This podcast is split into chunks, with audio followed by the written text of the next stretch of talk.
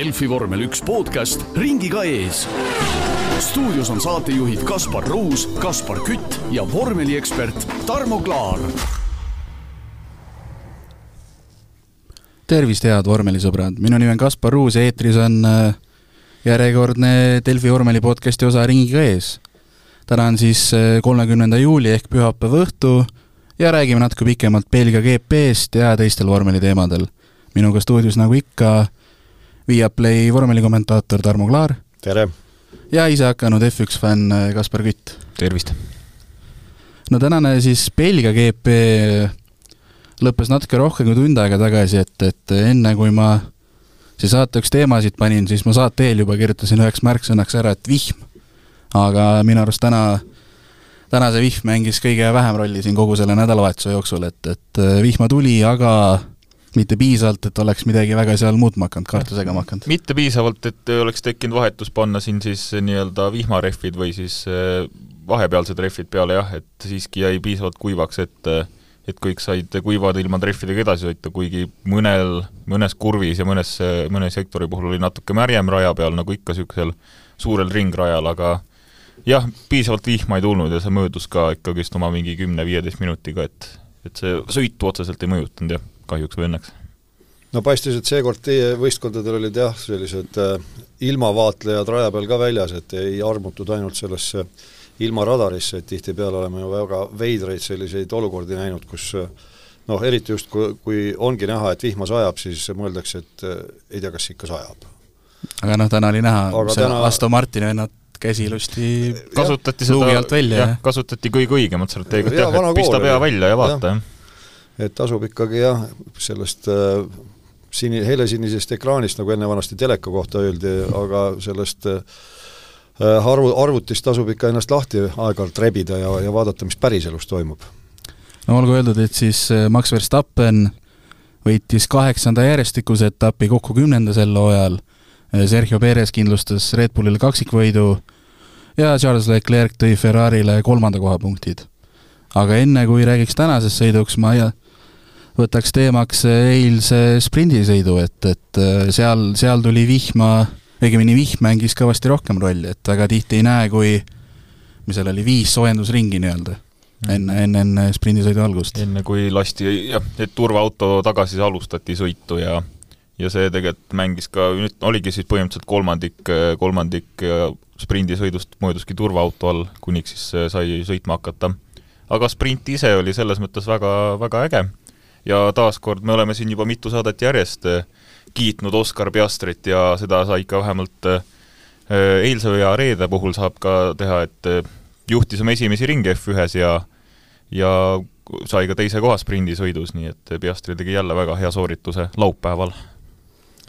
no kust otsast nüüd alustada, ütleme Piastri igati kanti tubli ja mis mulle eriti laupäeval meeldis, laupäev oli siis täis sprindipäev, see oli üks neist kuuest sprindi nädalavahetusest, kus äh, laupäeval on sprindi kvalifikatsioon noh, ütleme siis tinglikult hommikul ja, ja õhtul on siis äh, sprindi võistlus, inglise keeles veel kord on väga veider väljend, et sprint shootout ei, ei tihata öelda, et see on kvalifikatsioon, kurat võtaks noh, ajakontrollsõit, äh, nagu puhtas eesti keeles peaks ütlema. aga oli Piastri ütleme niimoodi, sügavalt pettunud mis mulle väga-väga meeldis ja ma ütlen, et selles poisis on ainest mm -hmm.. vot, vot see on õige spordimehe vaim. ta kaotas null koma null, mis oli üksteist sekundit jah, üksteist millisekundit äh,. Verstappenile ja Verstappen ise ütles ju, et ta läks kindla peale teisel sektoril seal, see oli selline keeruline, keerulised olud olid natukene, aga mis siis, Piastri, kui ta nägi, kui vähe ta kaotas, siis küll tal peas hakkas kohe ketrama, et kurat, vot selles kurvis ja tolles kohas ma oleks võinud veidi rohkem nagu pingutada ja oleks see elu esimene noh, küll sprindi kvalifikatsioon, aga ikkagi kvalifikatsioonivõit tulnud. noh, nagu ta ka pärast sõitu ütles, et ma ei oskagi öelda nüüd, et noh, ikkagi esikolmikus, et mis asi see on, nüüd ma ei oska öelda, aga ikkagi esikolmikus. aga mis sõitu puutub, siis noh, vot see on nüüd jälle selline näide, et et kui keegi noh, küsib, et et mis sa arvad neist äh, Pirelli rehvidest, siis äh, mis mul ikka arvata on, et kui me räägime vormel ühest, see, mis on sõiduauto rehvid, see on täiesti omaette jutt. aga kui me räägime vormel ühest, siis Pirelli täidab tellimust, kullakesed. et siin ei ole teema selles, et Pirelli ei saa hakkama millegagi või ja praegu me olemegi sellises jaburas olukorras, kus see moment, kui vormel üks autodega sõita lubatakse, on veel päris märg, aga need täisvihmarehvid, mis siis Monaco etapist alates on äh, ilma eelsoojenduseta, ei olegi lubatud neid eelsoojendada äh,, need on kuskil sõltuvalt ringrajast, aga ütleme, sekundeid ringi peale aeglasemad kui need üleminekurehvid. kuigi siis, kui sõitma lubatakse, siis üleminekurehvidega on see probleem, et selleks, et kiiresti sõita, on selline vesiliu oht, oht et äh, ühel hetkel kontaktrajaga võib kaduda, eks ole, ongi sul, vesi on sul selle asfaltkatte ja, ja rehvi vahel ja, ja auto teab, ei tea ise ka, mis teeb. et äh, kuidas on jõutud nüüd sellise olukorrani, et äh, on kaks äh, rehvisegu vihmaks või märjale rajale ja ühte neist sisuliselt kasutada ei saa. ongi jõutud sellepärast nii kaugele, et FIA ja noh, eelkõige FIA on mingisugused äh, tingimused ette pannud, tellinud, need on heaks kiidetud ja nüüd ka Pirelli ju äh, sel nädalavahetusel Pirelli esindaja Mario Isola tunnistas, et jah, need on mõttetud rehvid. vihmarehvid ongi turvaauto tagasõitmise rehvid. et äh, nii lihtne see ongi. ja, ja teine asi, noh, mida me üle, ülekande ajal ka muidugi mainisime, et tänasel päeval on tegemist siis tiibautodega, kus suurem osa survejõust tekitatakse äh, auto all olevate nende Venturi tüüsidega. ja see tähendab seda, et et äh, sealt auto alt igasugu asjad lendavad sõna otseses mõttes.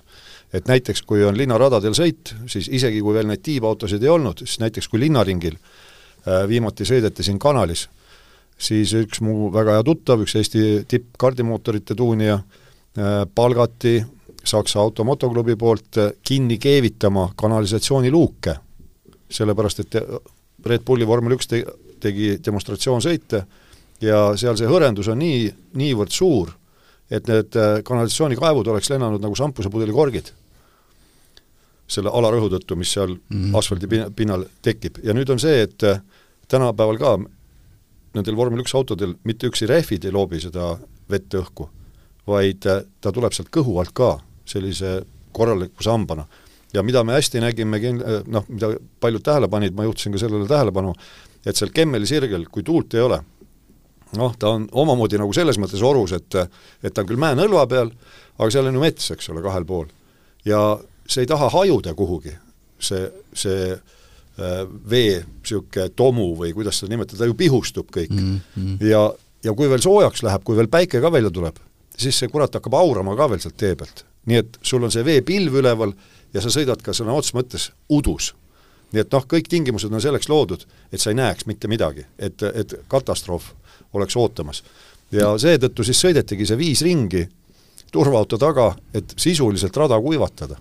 no seal ju sõitjad, sõitjad kurtsid ka, et need rehvid ei aita kaasa nähtavusele, et seal vihmases ja, sõidad ja, ja, ja et mida taga, tagantpoolt sa stardid, seda, seda hullem on ja minu arust George Russell vist ütles välja, et neid vihm-, neid, neid rehve ongi vist ainult siis mõtet kasutada, kui noh, nii-öelda noh, piltlikult öeldes see ringrada on põhimõtteliselt vee all nagu, et siis on nagu jaa, jaa, aga et... siis ei lubata sõita jah, siis, siis ei lubata sõita. et täiesti noh, jaburas olukorras oleme, kusjuures noh, äh, tänapäeva vormel üks piloodid on ise ka vaadanud neid vanemaid kaadreid vanematest aegadest, kus sõideti. Sellise veel, veel hullema vihmaga sõideti ja sõideti võidu. Ja autod püsisid teel aga nüüd oleme siis sellises seisus äh, sprindisõidust siis rääkides, et jah, nii-öelda viis ringi põhimõtteliselt kuivatati teed, siis sai see nii-öelda lendstardi, jooksva stardi, kuidas iganes veerev start Ve. veerev stardi, jah. ja siis läksid, äh, paljud sõitjad läksidki kohe nii-öelda vahetama, vahetama rehve ja, ja võistlus lõppes sellega, et üllatus-üllatus, Verstappen ikkagi võitis sprindisõidu lõpuks üsna veenvalt. jah, ja ütleme, et välja arvatud äh, Red Bull siis ülejäänud võistkondadel ju sisuliselt oli niimoodi, et need võistkonnast, kes esimesena võeti sisse, need võistkonnasiseselt ka ettepoole jäid. seepärast mm -hmm. noh, nad said selge eelise, eks Nad said ühe ringi selles mõttes sõita jah, väga heas oludes, jah. ja see aitaski ka Oskar Piastrit esikohale vähemalt ajutiselt, kuniks Verstappen siis tegi temast möödasõidu. ja Oskar Piastri oli siis teine, sai, me oleme siin varasemalt rääkinud, et küll ta oma selle poodiumi varsti kätte saab, ütleme nii, et niisuguse minipoodiumi sai ta nüüd kätte, et jah, maitse sai suhu, aga nüüd, nüüd ta tahab jah, seda reaalset poodiumit, et niisuguse pooliku poodiumi sai kätte. ja kolmandaks tuli Pierre Gasly siis Alpiini tiimist, et, et äh, selles mõttes ka, talle kindlasti ka edukas sõit, et ega teda teda, teda ka liiga tihti nii-öelda esikolmikus ei näe? esikolmikus isegi mitte esiviiesega, aga nii-öelda kuuikus ei näe teda väga tihti, et kolmas koht, olgu see sprindisõit, aga ikkagist taaskord poolik poodium on käes. nojah, ja sellised segased olud, need alati on ju abiks sellele, et tekiks mingisugune selline huvitav paremusjärjestus ja seal tulevad välja ka need autode omadused, et näiteks Alex Albon ütles, et nende auto, Williams siis, ei taha hästi töötada just nendes segastes ülemineku ilma, ilmastikuoludes, et tema unistus oli see, et saaks sõita kas noh, sisuliselt vee, veealustes tingimustes või tuhkuival rajal. et kaks varianti, et siis, kui on kuivav rada, siis nende, nende auto väga kiire ei ole ja mis me seal näeme siis sprindi sõidus, noh palun väga, Albon oli, oli kaheteistkümnes, mis iseenesest ei ole ju tegelikult paha jah, esikolmikule siis järgnesid Carlos Sainz, Charles Leclerc, kuuendana Lando Norris ja siis Lewis Hamilton ja George Russell lõpetasid esikaheks, et tegelikult Hamilton ületas finišijoone neljandana, aga ta oli seal vahepeal eh, Sergio Perez'iga kokku põrkanud, kelle jaoks siis lõpuks mõned ringid hiljem ka võistlus lõppes, sest tiim kutsus boksi lihtsalt. no see oli muidugi huvitav situatsioon, et takkajärgi nüüd ma olen eh, lugenud siis ka Martin Brandli arva, arvamust, endine vormel üks piloot ja praegune Äh, siis kas ta on Sky, Sky reporter Inglismaal või on ta vormel üks selle ja tema on Skys vist. Sky, Sky Sportsis, jah. Sky -hmm. Spordis, jah, ja, ja, ja noh, ütleme niimoodi, et britid loomulikult äh, hoiavad enda poole, see on selge, aga antud juhul ma olen temaga täiesti nõus ja ka üle, ülekande ajal tegelikult äh, me mõlemad Toomas Vabamäega olime üsna nõutud ja, ja ühel meelel, et mille eest, mille eest see karist-, karistus meie meelest oli see puhas võistlussituatsioon, jah, läks natukene alajuhitavaks Hamiltoni auto, aga see oli võidusõit, et äh, sellist ta-, tahtlust seal ei olnud, et, et näha, et noh, püüabki kuidagi välja trügida kaasvõistlejat või midagi. ja noh, et see auto nüüd nii palju viga sai, nagu seal väideti võistkonna poolt, no võib-olla, ei oska öelda. nojah, no Hamilton ütles ise ka, et laske meil nagu noh, kuna tema karistada sai, siis on nii-öelda loogiline, et oma positsiooni kaitseb, aga ikkagi ütles, et, et laske meil sõita, et ei pea nii-öelda igat juuksekarva lõhki ajama ja, ja tal oli ju pool autot oli vähemalt kõrval, nii et jah, sellist asja ei olnud, et ta sukeldus kuskilt, et mhm. täiesti ootamatult tuli, et ja teine katkestaja siis äh, peale Pe-, Perezi on siis Fernando Alonso eilne sünnipäevalaps, kui ma ei eksi. sai vist, mis ta sai, nelikümmend kaks? neljakümne kahe aastaseks, jah. no seal ta ise tunnistas viga, see oli näha, läks äärekivi peale, mis oli ja. libe, ja läinud see auto oligi ja ei ole nagu suurt abi sellest, et mis tal on praktiliselt kahekümne, mis rohkem kui ka üle kahekümne aastane äh, kogemus siis tippvõidusõidusarjades, no vahepeal ta oli vormel ühest küll eemal. aga noh, isegi tema ei suutnud auto, autot kontrolli alla saada, et ei teinud sellest, sellist efektset kolmesaja kuuekümne kraadist äh, piruetti ja ei sõitnud edasi, et mm -hmm. sinna see sõit kahjuks läks, jah ja see on ka vist suht koht esimene niisugune suurem viga, mis Alonso on üldse teinud selle hooaja jooksul, aga tõesti juhtub ka kõige tiputegijatel, et mis teha, vormel üks on selline. aga mis tiimi õnneks minu arust auto jäi just, just praktiliselt terveks iseenesest, et seal mingi nii-öelda aasta, aasta eelarve liiga palju kulukamaks ei läinud, et nojah, pooleks ta autot ei sõitnud, nii ja. nagu eelmisel hooajal seal Mikk Schumacher sai hakkama paar korda. see oli, mis ta, üle kolme miljoni või mis aasta lõpuks seal neid kahjusid tuli? ikka tuli, jah nii, aga ah, sprindisõidust veel, et äh, meie nii-öelda värske taasliituja Daniel Ricciardo üheksas, Yuki, Yuki Tsunoda tiimikaaslane siis äh, kaheksateistkümnes.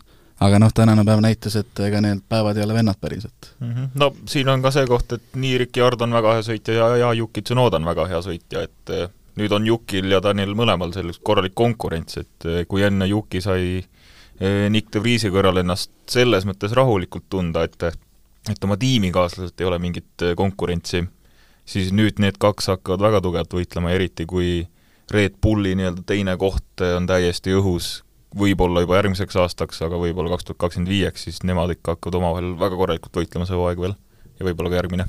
jah, ja tänane põhisõit siis oli nii-öelda vastupidi, et Tsunoda oli kümnes ja Dani Ricciardo kuueteistkümnes siis. no Tsunoda tõi punkti koju, mis Tsunoda on kõige tähtsam, et see on Toro Rossole täiesti kulla hinnaga iga punkt. või Alfa Taurile, vana Toro Rosso. noh, tänases sõidus äh, Ricciardo startis küll üheksateistkümnenda koha pealt, sellepärast et seal kvalifikatsioonis lihtsalt läks tal üks aeg kustutamisele, nii et äh, noh, ütleme, et hea, et niigi läits muidu ütleme sõidust rääkides, siis Verstappen startis küll kuuendana, aga see ilmselt mingi üllatus kellelegi ei olnud, et ta sõidu ikka võitis. Üllat-, üllatav oli see, kui kaua tal läks selles mõttes esikoha saamisega, et see oli vist äkki kuueteistkümnes seitsmeteistkümnes ring, kui ta Perezist mööda läks, aga oli näha kohe algusest peale, et noh, alguses oli see, et Oscar Piastri ja Carlos Sainz põrkasid niivõrd õnnetult kokku, et et Piastri pidi sõidu katkestama, Sainz sai katkise autoga põhimõtteliselt niimoodi pool sõitu edasi sõitma, mis oli muidugi väga kurb, sest et Piastri alustas, äh, alustas viiendalt, oli siin juba tegelikult võitlemas, et äkki neljas-kolmas oli tal käeulatuses juba. ja siis äh, no see sõit, see olukord tundus niimoodi, et Sainz jäi pigem süüdi selles mõttes, et ei jätnud ruumi piisavalt esimesse kurvi minemisel, et, et Piastri saaks sealt sisekurvist midagigi teha ja ja sellega Piastri sõit oligi läinud noh, minu jaoks seal küsimust ei ole, et äh, Saintsil kogu see jama, mis ta korraldas, tema korraldaski, jah, ma olen nõus. et kõigepealt ta pidurdas plokki, siis läks nagu päästma ja sisuliselt keeras peale ja kui ta ütleb, et noh, a la stiilis, et äh, Piastri tuli ei kuskilt, mis mõttes ta tuli ei kuskilt, ta tuli sinu selja tagant tal polnud mujalt tullagi. tal polnud mujalt tulla ja see on start, kullamees, kuida-, kuidas sa eeldad, et et sul ümberringi on täiesti puhas plats ja, ja sa võidki võtta vabalt ideaaltrajektoori ja tuimalt keerata mm -hmm. Nii-öelda kurvi haripunkti, et eh, noh, sellist lapsust suust välja ajada sellisel tasemel sõitjal peaks häbi olema tegelikult, et see oli, see oli puhas Saintsi viga. no seal oli kordustes näha ka, kuidas äh, Peastri masin oligi nii-öelda Saintsi masina ja oligi rajapiirite vahel, tal oligi lihtsalt kinni surutud sinna. ja Peastri ütles ka, et noh, tuli mulle sisse, nagu mul, ma, nagu mind ei olekski olemas selles mõttes, just, nagu ja seal oli, jaa, ja seal oli uks ju täiesti mhm. avatud mm, -hmm. et äh, kui ta, Sainz pidurdas äh, esirattad plokki või ühe vähemalt, äh, siis auto läheb ju otse, eks ole. ja seal tek-, tekkiski, tekkiski ruum. ja kui sa oled võidusõitja, siis sa peadki seda ruumi kasutama. kui sa ei kasuta seda, siis sa oled mäku lihtsalt, sinu koht ei ole võidusõidurajal. ja Peastri tegi selles mõttes kõik õigesti.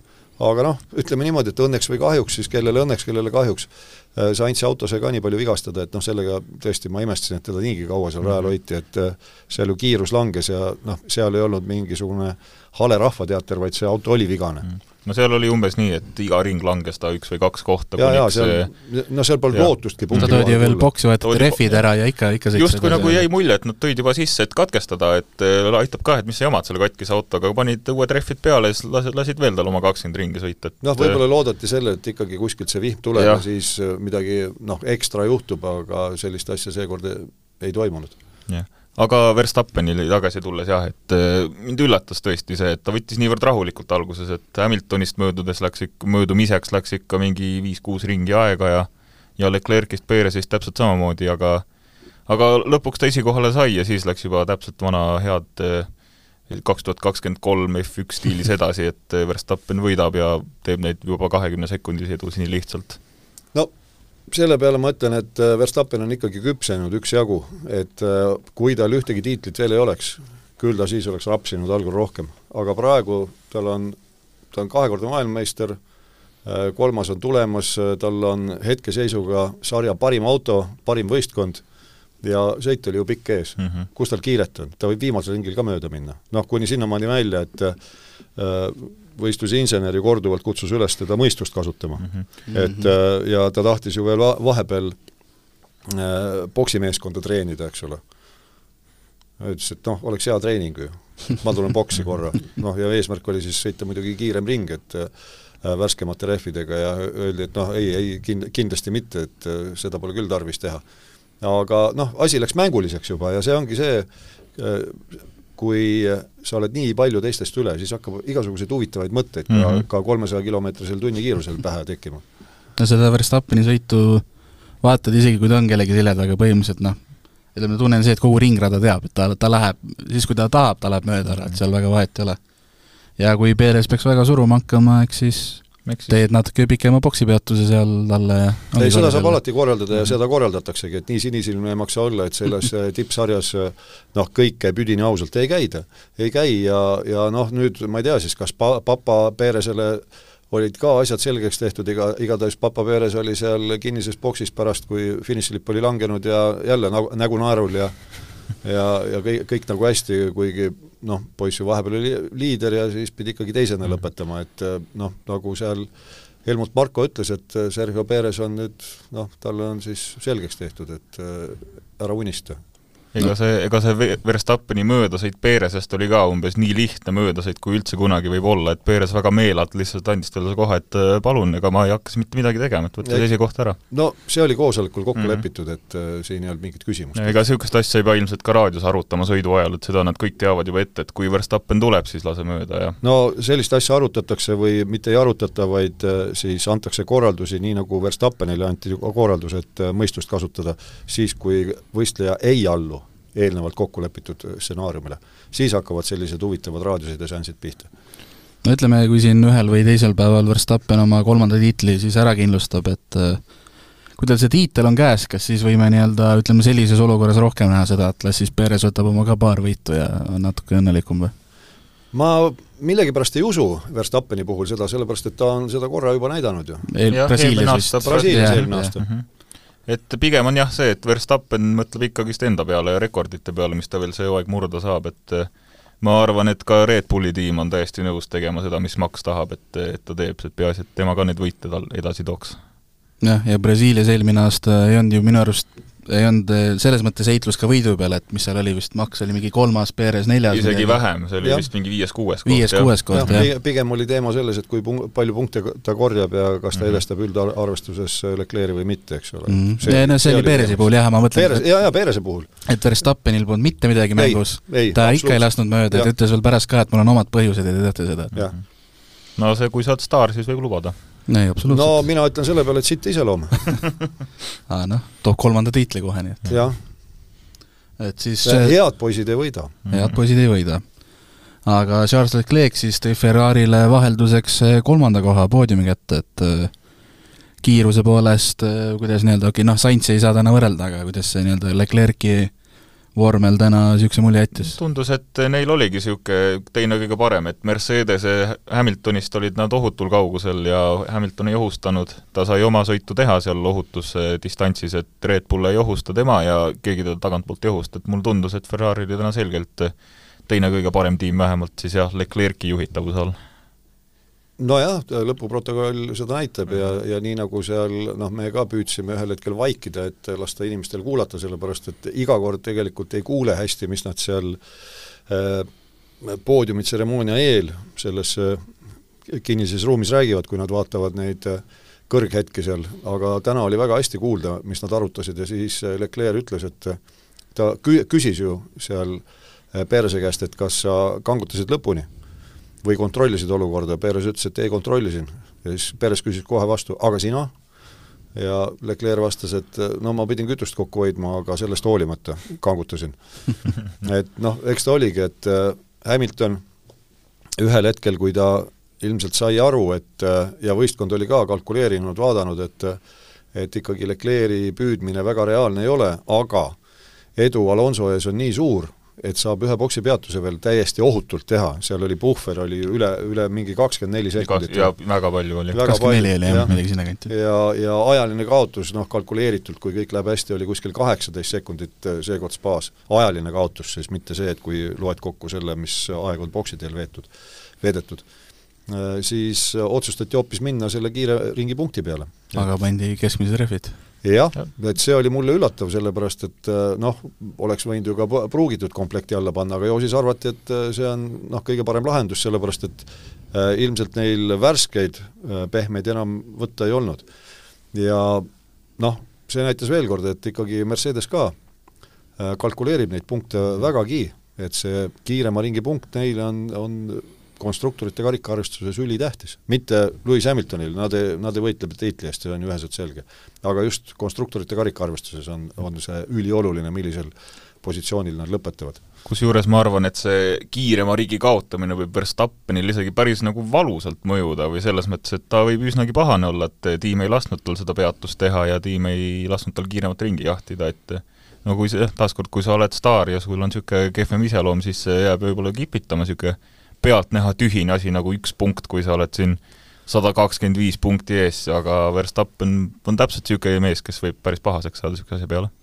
noh, seal olekski lõpus olnud see, et viimastel ringidel ta ju, seal jäi paar ringi lõpuni, kui ta oli sellises äh, e-, sealt, kui tal oli saavutatud selline edumaa Perez ees, et noh, nibin-nabin oleks võib-olla ette tulnud Perez ette, et no milleks seda tantsu ja tralli tarvis on, kuni sinnamaani välja, et üks mehaanik kobistab ära, mutter ei kinnitu, rattal, ratas ei lähe korralikult kin-, alla ja noh, ongi pidu läbi. kuigi nad on väga kogenud ja reeglina Red Bulli poksimeeskonnad ei koperda, nagu me nägime vastupidi Gasly puhul ka, või Gasly, nagu prantslased ütlevad ise, et tal ju parem esiratas et äh, auto seal kõikus ja siis võeti see parem esiratas viimasel boksipeatusel vist võeti nii ära, et kuidagi kiilus sinna asfaldi ja rattarummu vahel ja tükk aega sakutasid teist seal ja boksipeatus on ju väga-väga oluline protseduur, et kui sa seal noh, kõlab dramaatiliselt, oled kaks korda kauem, aga ehk jämedalt viis sekundit kahe poole sekundi asemel ripud tungraudade peal, see võib tähendada väga, väga suurt kaotust. noh, mhm. kas ajaliselt või siis kohtade näol ehm, selle poksipeatustega mul tuli meelde ka see, et see oli vist sprindis eile, kus äh, nägi omajagu neid poksipeatusi, oli vist Ferrari'l üllatus-üllatus, kus äh, nii-öelda see, kui sa selle auto lubad tagasi rajale, aga teised konkurendid sõidavad ja seal oli minu arust paar, paar päris ohtlikku olukorda, minu arust kas Leclerc sõitis Sargentile ette seal ülinapilt või, või et no eks ta oligi selline olukord seal, et kõik on ju pundis koos. Sõit oli ju alles alanud, eks ole, ja nüüd on see, et äh, võistkond peab tagama selle, et võistleja pärast rataste vahetust äh, naaseb rajale, kõigepealt siis muidugi boksiteele, hiljem, hiljem rajale naasmine on juba sõita enda asi, naaseb ohutult. Ja siis nüüd, kes, kas siis on see pulgakommi mees, noh, on ta füüsilise selle nõndanimetatud plakati või pulgakommiga või on tal pult käes ja ta vajutab neid rohelisi või punaseid nuppe seal fooris, siis ta peab ju jälgima, kes seal boksi teel parasjagu on, et su sõitja ei läheks Äh, tema teel ette või hoidku jumal selle eest, et põrkab vastu. sest sõitja ei näe, tema mm -hmm. vaatab ainult kas foori või pulgakommi mehe tegevust, kõik. temal on silmaklapid, ta on nagu traavel. ja, ja seal oligi see nüanss muuhulgas, et miks ma vaatasin, Ferrari'd minu meelest kaotasid kohti tegelikult seal sprindisõidus ka boksipeatuse ajal, et äh, seal tulidki järjest. Teised tulid boksi ja tuli lihtsalt mööda lasta, seal ei olnud neid kuhugi rajale lasta. Ja siis ühel hetkel ongi see, et noh, stiilis, et kurat, kaua võib, noh. ja minu arust seal minu arust see oli Leclerc olukord, mis mul silme ees on ja oligi see, et mingi kolm-neli autot läksid mööda, oli mingi noh, millisekundiline vahe Just, ja siis nii-öelda meeleheitlikult mine no, nüüd jumal lõpuks, on ju. aga siis tuli kohe Sargent ja vaatad, paned kokku kohe, et noh. noh, nii ta on. no niisugune juhtubki jah, jah, turva, turvaauto on värskelt rajalt ära tulnud ja kõik see, et kui nad on puntras koos, siis seda juhtubki väga tihti. Belgia GP-ga jätkates äh, turvaautot täna ei olnud. ma ei teagi, mi-, mis aasta see pausi järelt see nüüd oli, et äh, seal vist äh, ennem neli-viis, et neli-viis aastat on olnud nii, et on turvaauto iga aasta olnud jah, jah, et, et kas see prognoos oli koguni, mis oli seal vormel üks äh, ametlikul koduleheküljel ennem sõitu, prognoos oli kas kuuskümmend kolm protsenti või et mm -hmm. tuleb turvaauto rajale. no see on jah, üsna enneolematu, aga olid kuivad olud. olid kuivad olud ja ei olnud selliseid äh, noh, jäärapäiseid võitlusi, kus äh, ükski osapool järgi ei anna ja siis on noh, mingisugune puru on rada täis seal, eks ole, et seda, seda ei juhtunud.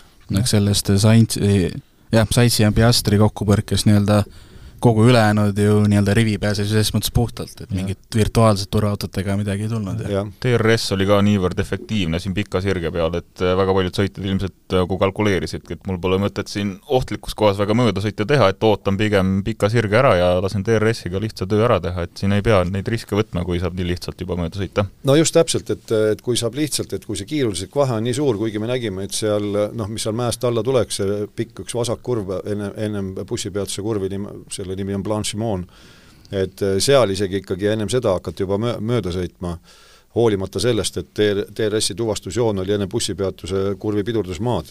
et tunnetati, et see kiiruslik vahe on nii, nii suur, et kui ma siin taga istun, siis ma kaotan rohkem kui pärast äh, stardifiniši sirgel ilma DRS-ita sõites. Ja taga Kemmeli sirgel ka, et äh, eks see selline kalkuleerimine ongi ja tihtipeale noh, Austria etapil ma mäletan, Perez oli ju see mees, kes mitte kuidagi ei kalkuleerinud, tema oli küll mõistuse koju jätnud, et et läks äh, ennem DRS-i tuvastusjoont konkurendist mööda, äh, tänu sellele konkurendil oli kohe pärast kolmandat kurvi kasutada DRS, DRS ja sõitis uuesti Perezest mööda, nii et noh, ikka võidusõit on peaga sõit, midagi ei ole teha, et äh, kui sa aju kaasas ei kanna ja seda ei kasuta ka, siis tulemus ei pruugi väga hea olla ja reeglina ei olegi. No see, et äh, isegi Belgias turvaautot ei näe, võtab ilusti selle tänavuse hooaja kokku ja mis me siin mitu korda juba rääkinud oleme, et kõik teavad nii jõudude vahekordi, et ei hakata midagi jah, et selles mõttes noh, kes vaatab pelgalt seda lõpuprotokolli, siis äh, noh, kus me nägime neid äh, hirmsaid võitlusi pärast, mitte hirmsaid, vaid ägedaid võitlusi, see oligi ju esikümnest väljas mm. -hmm. jah, Show Guan Yu tegi siin sõidu lõpupoole päris mitu ägedat möödasõitu no, üldse, kõigest kolmeteistkümnendal kohal. jaa, jaa, aga, aga noh, üldse kogu see, kogu see kamp seal mm, -hmm. et et Gasly, Albon, Show, kõik möllasid seal, eks. no seal esikümne lõpp ka, Ocon, Stroll, Sonoda seal no, seal ka, vahepeal, jah ja. aga et päri, päris eesotsas, seal olid ju vahed väga, väga, väga selged. ja selles mõttes ma ütlen, et noh, hea režissööri töö, et mis sa sellest liidrist ikka näitad, mis sa sellest värvi kuivamisest näitad meile näita seda, mis to-, rajal toimub mm -hmm. ja väga õige nojah, Red Bulli sponsoritele ühtepidi hea, kogu aeg võidad, teistpidi ei ole pildis nagu sõidu ajal, et pole mõtet no, näidata. siis tuleb järgi mõelda, et äh, võib-olla nii, nagu minu kunagine suur lemmik MotoGP-s Valentino Rossi, kui ta veel isegi saja kahekümne viiestel sõitis, siis aeg-ajalt vaatad, et sõidab sellises kuueses pundis, on kuues, ja nii nagu suusatamises, et enne pidurdusmaad juba pikalt laseb ennast püsti, vaatad, mis asi see nüüd on, mingi probleem või ei ole, poiss, lihtsalt mängis kass-siirt ja paar ringi ennem lõppu, siis tõmbas mm -hmm. küüru selga, põrstis minema, eks ole, pikalt eest ära. ja kogu aeg pildis mm. -hmm. ja kogu aeg pildis, kogu aeg on pinge üleval, eks ole, aga muidu oled seal poole ringiga teiste, teisele eest ära ja režissöör unustab juba ära kuniks juba ruudune lipp tuleb, siis vaatab, ah kurat, peab ju jaa, oot, keegi abiline ütleb, kuule, me pole liidrit näidanudki. tänasest sõidust veel rääkides, kuuenda koha saanud siis George Russell ja üheteistkümnenda koha saanud Pierre Gasly, et näitasid päris head niisugust rehvi säästmist.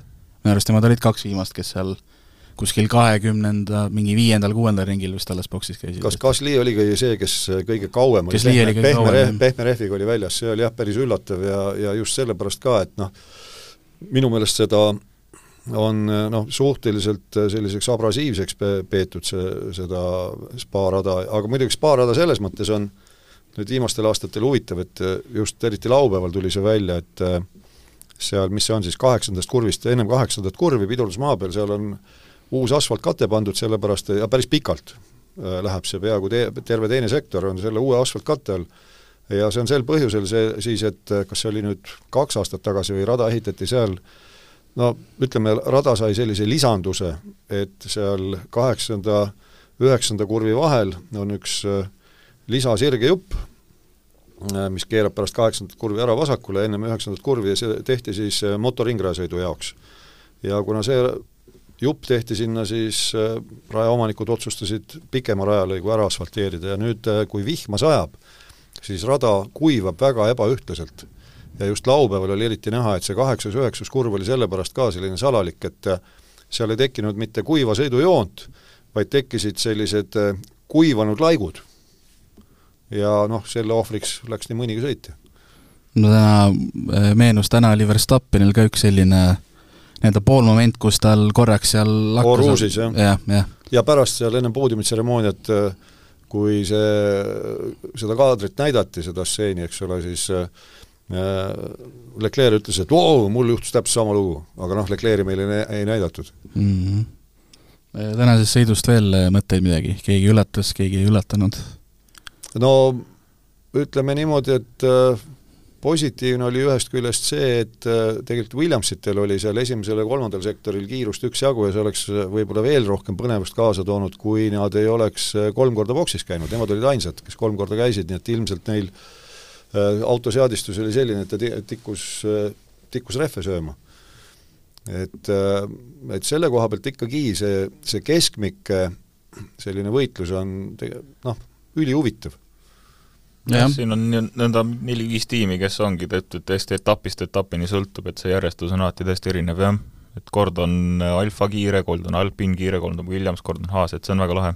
jaa, et vahepeal ju tundus, et äh, Alfa Tauri, et na-, nad on omadega täiesti mudas mm -hmm.. noh, seekord palun väga, Tsunoda tõi viimase punkti jälle ära.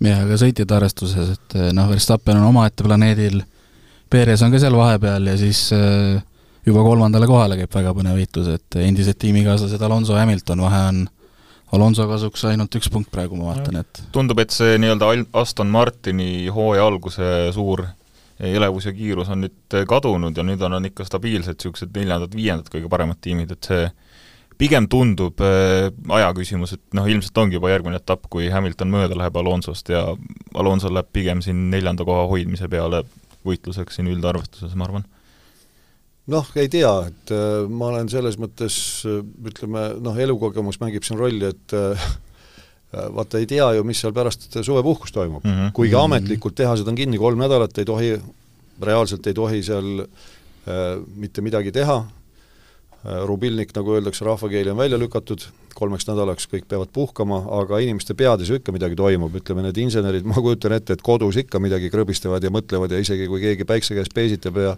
ja jäätist limpsib, no ta mõtted ikka päris noh, eemal vormel ühest ei ole, nii et selles mõttes ega pärast seda pausi noh, saab näha, mis uuendustega keegi välja tuleb, et äh, üks on jah selge, et Aston Martin, kas neil on nüüd raha tagasi või siis tõesti ei ole neil nii häid ideid olnud välja tuua kui näiteks McLarenil, sellepärast et olgem ausad, see McLareni tõus hooaja alguse mudaliigast praegu noh, ütleme konkureerima tegelikult poodiumite nimel? no reaalselt poodiumitel, eks ole, et, et ongi kiiruslikult teine, kolmas, neljas või, mm -hmm. võistkond. et kas me keegi oleks seda oodanud, mina küll poleks oodanud seda sel hooajal juba. nii et selles mõttes noh, ma siis ütleme niimoodi, et pigem loodan, et et see Aston Martini madalseis on, on ajutine. aga kui nad jätkavad samas vaimus, siis neil on tõesti tõsine probleem oma praeguse konstruktorite karikaarvestuse koha hoidmisega ja muidugi lä-, siis äh, Alonsol ka. aga jällegi, põnev, et äh, kõik see, mis toimub Red Bulli selja taga, on põnev just, jah. terve hooaeg väga ilusti kokku võetud, noh. aga läheks nüüd F3 juurde, räägiks, et äh, Paul Aron eile siis sprindis kolmas, olgu öeldud, et ikkagi punkte sai, nagu ma sain aru lõpuks ikkagi otsustati lugeda uuesti võistlusmäärustikku ja selgus, et kuna kogu võistlusdistants läbiti, siis tuleb punktid välja jagada, mis sest, et lõpetati turvaauto taga, mis sest, et ei sõidetud äh, turvaauto vabalt äh, vähemalt kahte ringi järjest.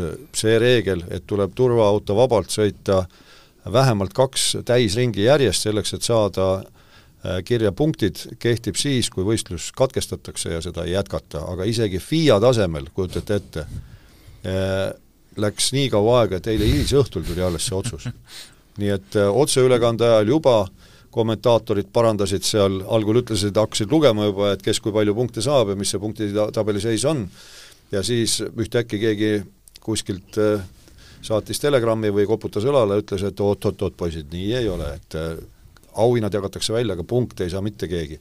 nüüd ikkagi said punkte ja noh, ütleme, mitte sündmustest ette rutates, seda sa tahtsid kindlasti ise öelda, aga meile kõik hästi ju, Paul Aron tõusis üldarvestuses teiseks, noh meistritiitli lootust ei ole, sellepärast et kes meil seal see liider on? Äh, Gabriel Portoleto. Portoleto, jah. tal on ju vaja järgmiselt etapilt ainult ühte punkti, punkti., rohkem mitte midagi. et jah, Paul Aron eile oli siis kolmas sprindis aga tänane põhisõit, et nii-öelda pealtnäha alustas üheteistkümnendana, jah. ikka sprindisõidust ma tahaks ka rääkida, selles ah, mõttes, et nii. sprindisõidust ta ju startis teise koha pealt. teise koha pealt, jah. ta startis teiselt kohalt, sellepärast et seal on ju süsteem selline, et esimesse starti sprindisõitu minnakse esimese kaheteistkümne osas, ümber mhm. kaheteistkümne osas pööratud järjestuses ja punkte saab esimesed äh, seal on vist kümme, kümme, esimesed kümme et see on selline huvitav lahendus ja kuna ta oli kvalifikatsioonis üheteistkümnes ka jälle seetõttu, et see oli ju, mis ta oli siis, noh, sellistes märgades oludes, siis eh, noh, tema oli liiga vara rajal lihtsalt, aga see ongi väga raske sellistes oludes leida see õige aeg mm -hmm. noh, spa rajal ühest küljest on see eelis, et ta on pikk, ta on seitse kilomeetrit, neli meetrit pikk ja vormel kolmes jälle, see nüüd tuletan seda meelde, rajal on kolmkümmend autot, kolmkümmend, ja seda vaba rada leida kvalifikatsioonis on üliraske, sellepärast et kõik tahavad minna viimasel minutil. aga viimasel minutil samale rajalõigule kolmkümmend autot, no, no ei mahu kuidagi ei mahu. no vot, ja Paul oligi nii, et äh, ta tuli, oli, äh, sõitis parima aja ja siis järjest tuli, tulid kümme sõitjat, kes tema aja üle sõitsid ja ta oligi üheteistkümnes kvalifikatsioonis. Ja seetõttu ta startis siis sprindis teiselt kohalt. Mm, -hmm. Spart-, start oli tal väga hea, aga see vend, kes startis esikohalt, pärast esimest kurvi kohe takerdus seal, no eks rattad vist lõid tühja seal ja Paulil oli väga hea väljakiirendus kurvist ja ta, ta jäi nagu karpi, ta jäi kinni, see, selle esimese venna taha ja tal paremalt hakkasid juba noh, tulidki teised konkurendid kõrvale ja, ja kaks tükki sõitsid tast mööda, nii et ta kukkus neljandaks, siis ta tõusis uuesti kolmandaks ja mina väidan, et äh, kui neid turvaautosid poleks olnud, siis tegelikult selles sõidus ega see võit ei olnud ka üldse ebareaalne. teine koht oli kohe päris reaalne, aga paraku kuna sõideti siis kokku kaks puhast ringi, siis noh, läks nii, nagu läks. ja mitte kaks järjestikust puhast ringi mm. -hmm ja no, seal, ja seal sprindisõidus oli veel see noh, mitte huvitav, vaid täiesti käsitamatu, et selle vormel kolm sarja üks tippsõitjaid, äh, mis ta nimi on siis, Pepe Marti, jah? Pepe Marti, jah. see, kuidas ta tuli rajale tagasi pärast oma rajalt väljasõitu, pärast kokkupõrget, jah, ikka, ei, ta läks ise vabatahtlikult rajalt välja. ja ta tuli tagasi rajale niimoodi, et äh, ta ei vaadanud ju justkui üldse, et kas keegi veel tuleb või ei tule ja ta sõitiski külje pealt sisse kaasvõistlejale. et see oleks võinud lõppeda väga kurvalt, aga õnneks lõppes ainult äh, vormelite purustamisega, et mõlemad sõitjad jäid terveks, kumbki vigastada ei saanud mm. aga see oli kole vaatepilt. jah, no eriti spaas, kus selliseid äh, külje pealt sissevõrkeid on nagu no, mitmel just, korral surmavad olnud. jah, aga ja küll teisel, küll teisel rajalõigul mm, -hmm. aga, aga see oli koht, kus äh, noh, taolist manöövrit ei oota ja eriti veel taolise tasemega sõitjalt mm. -hmm. ta on ju vormel kolm, FIA vormel kolm sarja tipptegija ta on hetkel kolmandal kohal, kaotab Aronile vaid ühe punktiga. no just mm, -hmm. Et tegemist ei ole mingisuguse uustulnukaga või, või inimesega, kes võidusõidust mitte midagi ei tea. aga tänasest sõidust siis rääkides, et, et äh, startis siis üheteistkümnendana, vihmarehvid all, enne ringi lõppu oli vist liider juba, minu arust, läks vähem kui ring. Läks vähem kui ring, kahe kolmandiku peal oli juba liider. oli kahe kolmandiku peal liider, juhtis seal juba mingi kuue-seitsme sekundiga lähimate ees aga lõpuks kaheksas koht ja siis põhjus siis see, et äh, kas see neljandal ringil äh, Oliver Coete pani välja minu arust ja siis tuli turvaauto, Prema Racing kutsus Pauli sisse, võeti vihmarehvid ära, keskmised alla, aga ei kuivanud nii kiiresti, kui rada arvas ja langes seitsmendaks vist ja siis veel ja. sõidu käigus üks, üks, üks sai veel, veel mööda, et jah, et ta oli, ütleme, kiilasrehvidel sõitjatest oli siis teine aga no vot, see oli nüüd selline moment, kus mina või, võistkonda isegi ei süüdistaks, et eh, noh, tuletan meelde, et meie aja järgi, kui ma õigesti mäletan, oli, kas start oli kell üheksa kakskümmend? kümme vist, kümme, ei, üheksa kakskümmend vist. üheksa kakskümmend, noh, kohaliku aja järgi kaheksa mhm. kakskümmend. see on vara. see on väga vara. see on väga vara, päike väga kõrgel ei ole. ja võib-olla võistkonnad loo-, lootsid või noh, need, kes siis läksid nende kiilasrehvide peale poksipeatuste ajal, lootsid, et rada kuivab kiiremini, aga ta sunnik ei kuivanud mm. -hmm. nii et ütleme, et kui see rada oleks kuivanud, kui oleks kuiv sõidujoongi vähemalt tekkinud, siis ilmselt oleks äh, Paul olnud võidumees. ja teine asi, et äh, ke-, kes see, see tuli viiendaks, kes äh, lõpuks, kes Ar-, Aronist mööda sai, Kaio Collet. jah, Kaio Collet, et noh, tal oli võib-olla autoga kuiva seades, et vaat see oli ka jälle selline asi, et et mis seadistusega nüüd äh, võistkond autorajale saa-, saatis, et võib-olla Paulil ei olnud, ta ei ole nii lahja vend, et nii palju kaotada.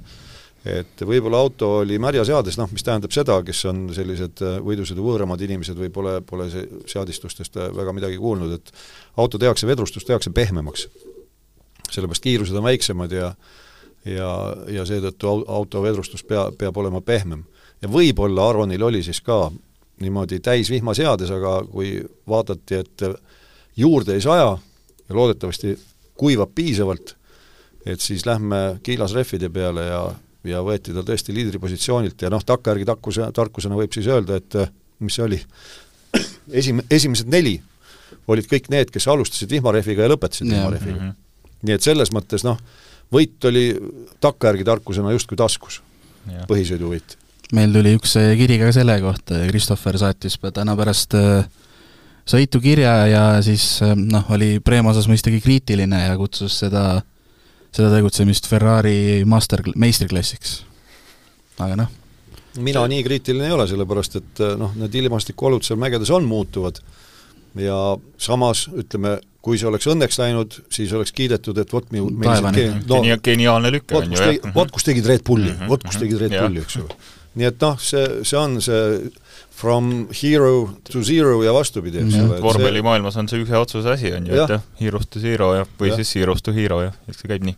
nii see käib no.. see, selles suhtes veel kord, mina Premat ei süüdista, mindi riski peale ja noh, seekord see ei õigustanud ennast ja kokkuvõttes siis F3-s on jäänud veel üks etapp Monsas, Gabriel Bortoleto on kolmekümne kaheksa punktiga Paul Aronil eest ära ja nagu öeldud, tal piisab ühest punktist, et, et ütleme, et, et üheksakümmend üheksa protsenti kindlusega maailmameister siis. jah, ja see tähendab siis seda, et, et kui tal kõik läheb tuksi, ja Aronil ja, ja Aronil läheb kõik täkkesse ehk siis ehk siis sprindivõit, põhisõiduvõit, kvalifikatsioonivõit ja kiirem ring. jah, et jah, siis mille, mille eest punkte ka, saab, eks ole. ja ka sprindi kiirem ring. jaa, spri-, seal on mm -hmm. vormel kolmes on see, et sprindi kiirema ringi eest saab ka punkti mm, -hmm. vormel ühe sprindi kiirema ringi eest ei saa. et kui ta teeb kõik need ära, on kolmkümmend kaheksa punkti ja Portoletol absoluutselt kõik, mitte kõik midagi välja ei tule. mitte midagi ei tule. noh, võimalus on. jah aga igastahes noh, olgem ausad, teisele kohale käib ikkagi põnev võitlus, et Aronil on sada kuus punkti, Pepe Martil sada viis, Zack O'Sullivanil sada üks ja Franco Colapintol sada punkti, et jah, kusjuures Zack O'Sullivan on siis ka Prema sõitja, on tiimikaaslane, aga nad kõik on seal, ütleme seal Premas, nad on ju kõik äh, mingisuguse vormel üks võistkonna stipendiaadid et selles mõttes ega seal vend ei tunne venda, et see -hmm. seal sellist asja ei ole nagu jalgrattagrupisõit, et ühest mm -hmm. tiimist ja nüüd oh, paneme õle alla toetama või midagi. tule sõida mu tuules nüüd. ma ei pane õlga alla, ma panen jala taha sulle, mees et äh, selles mõttes seal on tõesti silm silma vastu, hammas hamba vastu, et igaüks võitleb iseenda eest. no on, mida Monzas F3-s oodata. absoluutselt mm. -hmm. küsimustega jätkates veel, et äh, tuleta meelde, et siis ringiga ees, at delfi.ee saab meile küsimusi, mõtteid saata ja siin sõidu lõpus tuli äh, kolleeg Gunnari sporditoimetuses küsimus, et äh, tuleme tagasi Verstappeni ja Perezi teema juurde ja, ja Gunnar siis kirjutas, et äh, simulaatori aeg on piiramatu, kuiva trenni võid teha lõpmatuseni, aga kuidas on ikka võimalik, et et Sergio siis Maxile nii, nii pidevalt ja järjekindlalt kogu aeg alla jääb?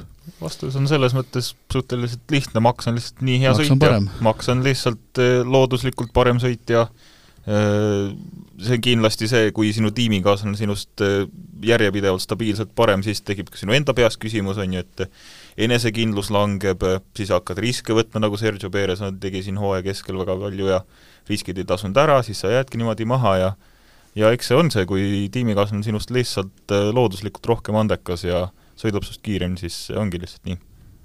Nojah, ega mul ei olegi suurt muud midagi lisada, kui, kui see, mis ma ka ülekande ajal ütlesin, et see geneetiline kood on noh, suurepärane ju Verstappenil, ema endine tipp kardisõitja, isa endine tipp vormelisõitja, noh ka kardisõitja, aga, aga jõudnud vormel ühte, nii et äh, geneetiliselt juba kõik, kõik mhm. eeldused selleks loodud.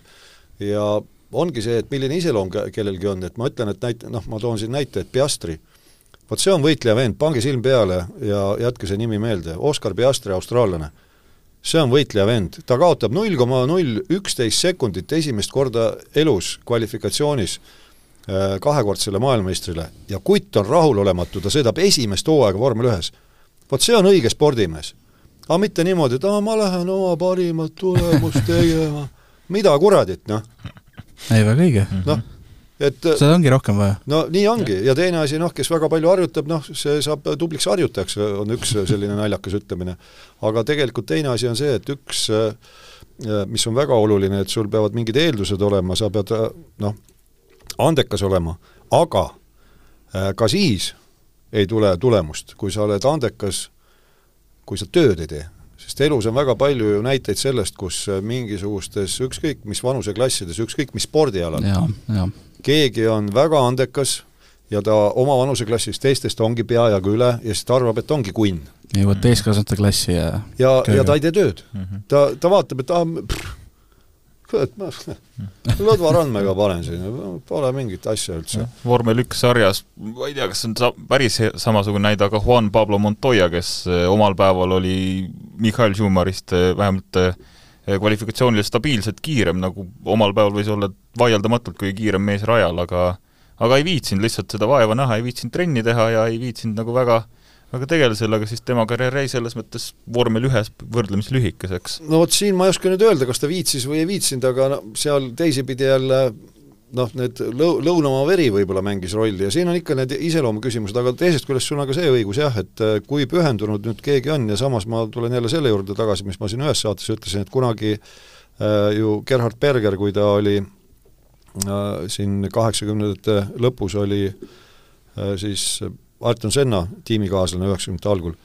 siis mõtles ka, et äh, Senna on nii pühendunud, et noh, kõik on, kõik on ainult võidu nimel, aga tema niisugune elumees, eks mm. -hmm. et äkki peaks ka elustiili muutma mm -hmm. ja ikka noh, rohkem pühenduma ja ja proovis siis jäljendada kõike seda, noh, ütleme seda ettevalmistusmetoodikat siis äh,, nähes, mismoodi Ayrton Senna võistlusteks valmitu, valmistub, kuidas ta töötab läbi äh, telemeetria andmeid, nii palju kui neid siis oli, kuidas ta üldfüüsilist teeb ja kõik, tulemused läksid alla.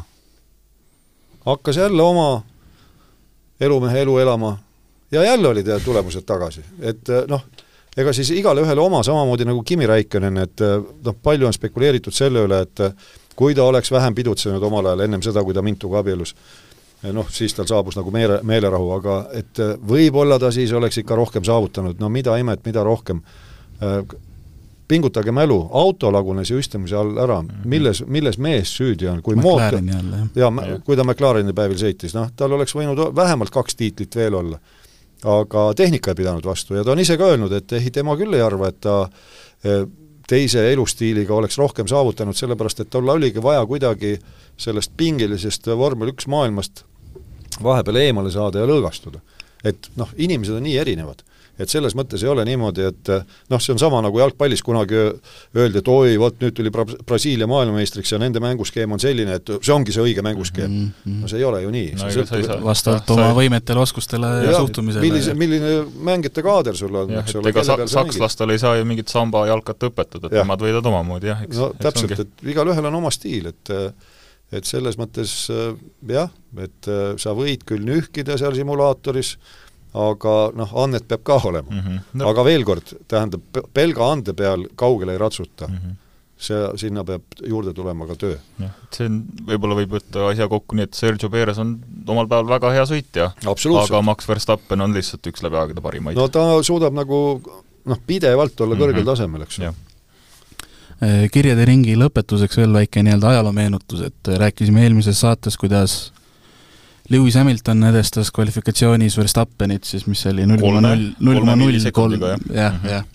ja siis saatis meile Rasmus, saatis sellise meenutuse, et äh, tuhande üheksasaja üheksakümne seitsmenda aasta viimasel GP-l ei oleks see null koma null kolme sekundiline vahe, noh, me, tähendab, point oli siis selles, et ma ütlesin, et ega enam palju nappimaks vahed ei lähe. ja Läheb. siis Rasmus meenutas Lähevad küll äh, mäletan, mäletan yeah., kolm sõitjat sõitsid ühe aja. ehk siis äh, Mikkel Schumacher, Jack Villeneuve ja Heinz-Harald Frentzen sõitsid tuhandiku pealt sama aja. üks kakskümmend üks, null seitse kaks, kolm tükki järjest. nii et juhtub ka selliseid imesid? juhtub ka selliseid asju mm. -hmm. ja seal siis äh, Villeneuve sai nii-öelda esikoha stardis, stardi jaoks, sest et ta oli siis esimene, kes selle aja ette sõitis mm. -hmm. et, et äh, saab jah, saab veel vägevamalt nojah, aga vot kui sellised asjad juhtuvad, siis esimene emotsioongi ongi see, et no kas saab veel yeah. nagu veel minna niimoodi, no saab ikka mm, -hmm. kuni sinnamaani välja näiteks, et minu poolt väga palavalt armastatud Indikaar ilma, ilma naljata, ühel aja, ühel ajahetkel hakkas aega mõõtma,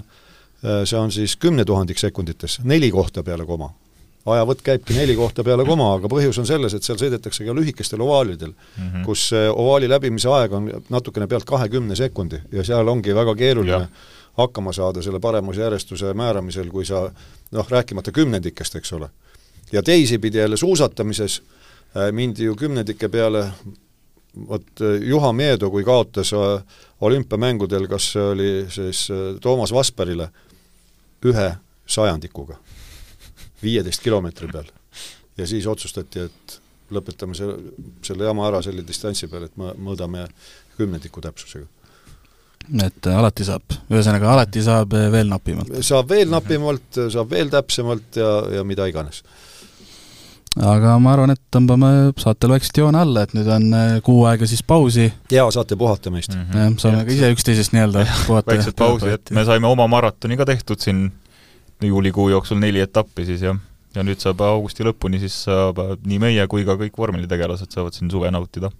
ja kakskümmend seitse august vist, kui ma ei eksi, on pühapäev. Äh,, naaseb siis F1 sari Verstappeni kodus Hollandis, ehk siis vaatame, kuidas see hooaeg edasi läheb. No,. ma arvan, et küsimus on see, et mitme sekundiga Verstappen võidab. No tahaks loota, et nii hull asi ei ole, aga kahjuks vist läheb niimoodi. Eriti Sandvortis nii, aga tõmbame siis sellega selleks korraks saatele joone alla. Äh, kõike head ja kohtumiseni! järgmise korrani! nägemist! Delfi vormel üks podcast ringiga ees